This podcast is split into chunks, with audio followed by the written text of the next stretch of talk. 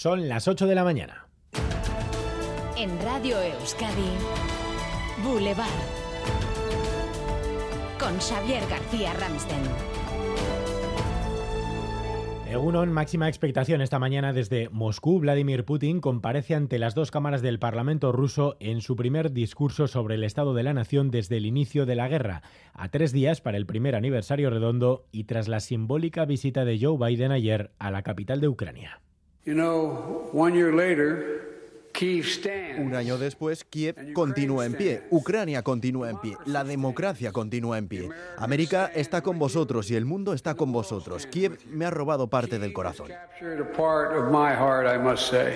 Putin comparecerá dentro de dos horas y por la tarde Biden de nuevo desde Polonia. Óscar Pérez. A las 10 de la mañana hora de Euskadi, el presidente ruso va a ofrecer su discurso. No habla ante el Parlamento desde abril pasado. Esta vez lo va a hacer ante las dos cámaras de la Asamblea Federal rusa en una intervención que está previsto que se extienda durante una hora y en la que podría anunciar novedades importantes relacionadas con la invasión. No se descarta, por ejemplo, una nueva movilización como la que anunció en septiembre pasado. Putin hablará esta mañana y Biden lo hará por la tarde después de haber escuchado al ruso y ante el Parlamento polaco 24 horas después de su visita sorpresa a Kiev. Semana redonda que cerraremos el viernes, Boulevard especial en directo desde Kiev.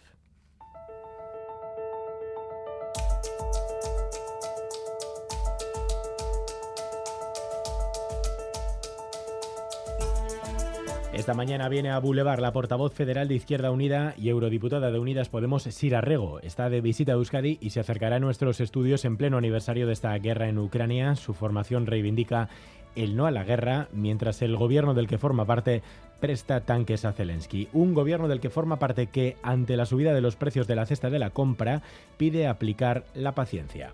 Es que las medidas adoptadas en el mes de diciembre eran las medidas correctas y para surtir efecto necesitamos persistir.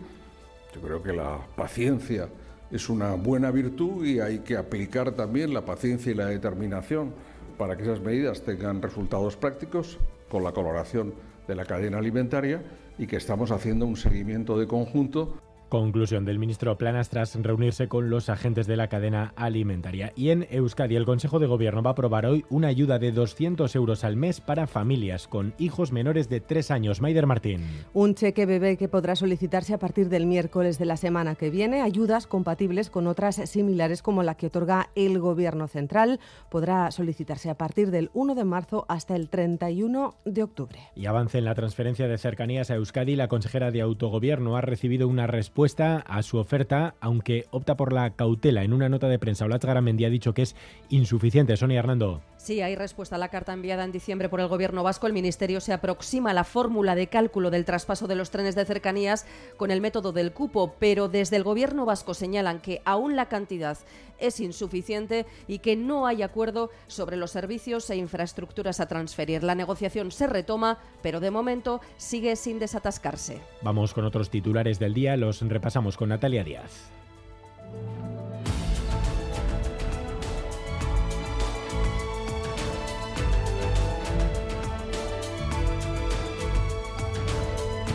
Nuevo terremoto con víctimas en Turquía y Siria. Las autoridades informan a estas horas que al menos seis personas han fallecido y hay cerca de 800 heridos por el terremoto de 6,4 de la tarde de ayer. La mayoría son personas que se han tirado de los balcones o les han caído parte de algunos edificios que se han acabado de caer. Les han seguido otras fuertes réplicas, todas en la zona fronteriza más afectada por el terremoto del día 6. Dimite la cúpula de transportes por el fiasco de los trenes. El presidente de Renfe y la secretaria de Estado de Transportes y expresidenta de Adif la ministra se reunía mientras con los presidentes de Asturias y Cantabria para apaciguar este bochornoso error de los futuros trenes de cercanías que no cabían por los túneles. Se encargarán a CAF otros siete vagones que se suman a los 31 adjudicados por 190 millones de euros y que ahora tendrán que actualizarse. La justicia no ve impedimentos al proceso de desanexión de Usánsolo. El Tribunal Superior de Justicia del País Vasco rechaza las medidas cautelares solicitadas por la Abogacía del Estado y permite seguir con el proceso iniciado en noviembre por Juntas Generales. El Estado tiene ahora cinco días para para recurrir y en su mano está también el trámite de la inscripción oficial. En cualquier caso, no podrán concurrir a las municipales porque no dan los plazos. La familia de Santi Coca pide que se modifique la ley para evitar que los acusados se den a la fuga. Uno de los seis acusados por la paliza por la que murió su hijo está desde el viernes en búsqueda y captura. Es una de las reclamaciones que escucharemos decir a su madre Fátima en la entrevista que emitirá ETV en los informativos del mediodía en las previas del juicio que empieza el día 3. La madre denuncia que no es la primera vez que esto ocurre tienen que hacer una reflexión y cambiar, o sea, toda la normativa que tengan, todas las leyes que tengan, porque es la tercera vez que se escapa. Un chico que encima nos ha estado amenazando también. Ampliaremos esta entrevista en Gauregún y Teleberri. Y en Basauri se investiga la muerte de un vecino tras caer de un andamio. Todo ocurrió tras una discusión con los obreros que allí estaban trabajando. De hecho, uno de los trabajadores ha sido detenido. Desde Basauri informa Xavi Segovia. Egunon. Egunon, sí, la chancha sigue investigando lo sucedido ayer sobre las 10 menos cuarto de la mañana cuando un hombre caía al vacío desde este andamio ubicado en la calle Jacinto Benavente número 8 de Basauri. Al parecer se habría subido el andamio para discutir con los obreros. Se trataría del administrador de este edificio. Un operario ha sido detenido por la chancha por presunto delito de homicidio imprudente. A esta hora normalidad en Basauri en el día después. Titulares del deporte, Álvaro Fernández Cadierno, Egunon. Hola Egunon, en balonmano European League, Vidasoiron juega en Alemania en Düsseldorf ante el motor ucraniano, una victoria les podría dar incluso el pase a octavos. En pelota se cierra en Tolosa la undécima jornada de la liguilla con el Ezcurdia Martija Peña Mariez Currena con el pase al playoff en juego y en fútbol tenemos cita con la Champions, destaca sin duda ese Liverpool Real Madrid. Boulevard. Lural de Bus nos ofrece la información del tiempo. Lural de Bus, a donde vayas, vamos contigo.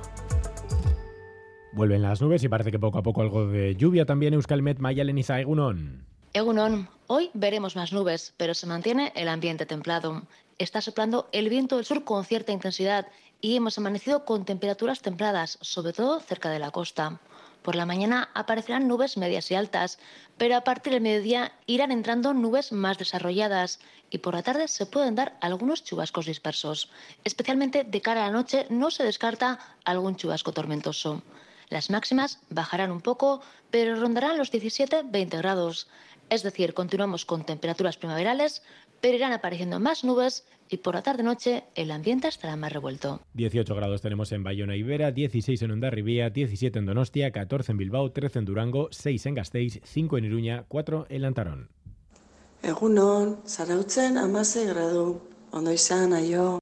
Egunon, irunen amaos gradu, egunon izan.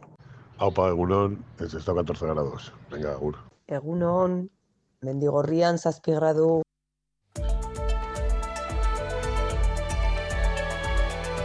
Boulevard. Tráfico.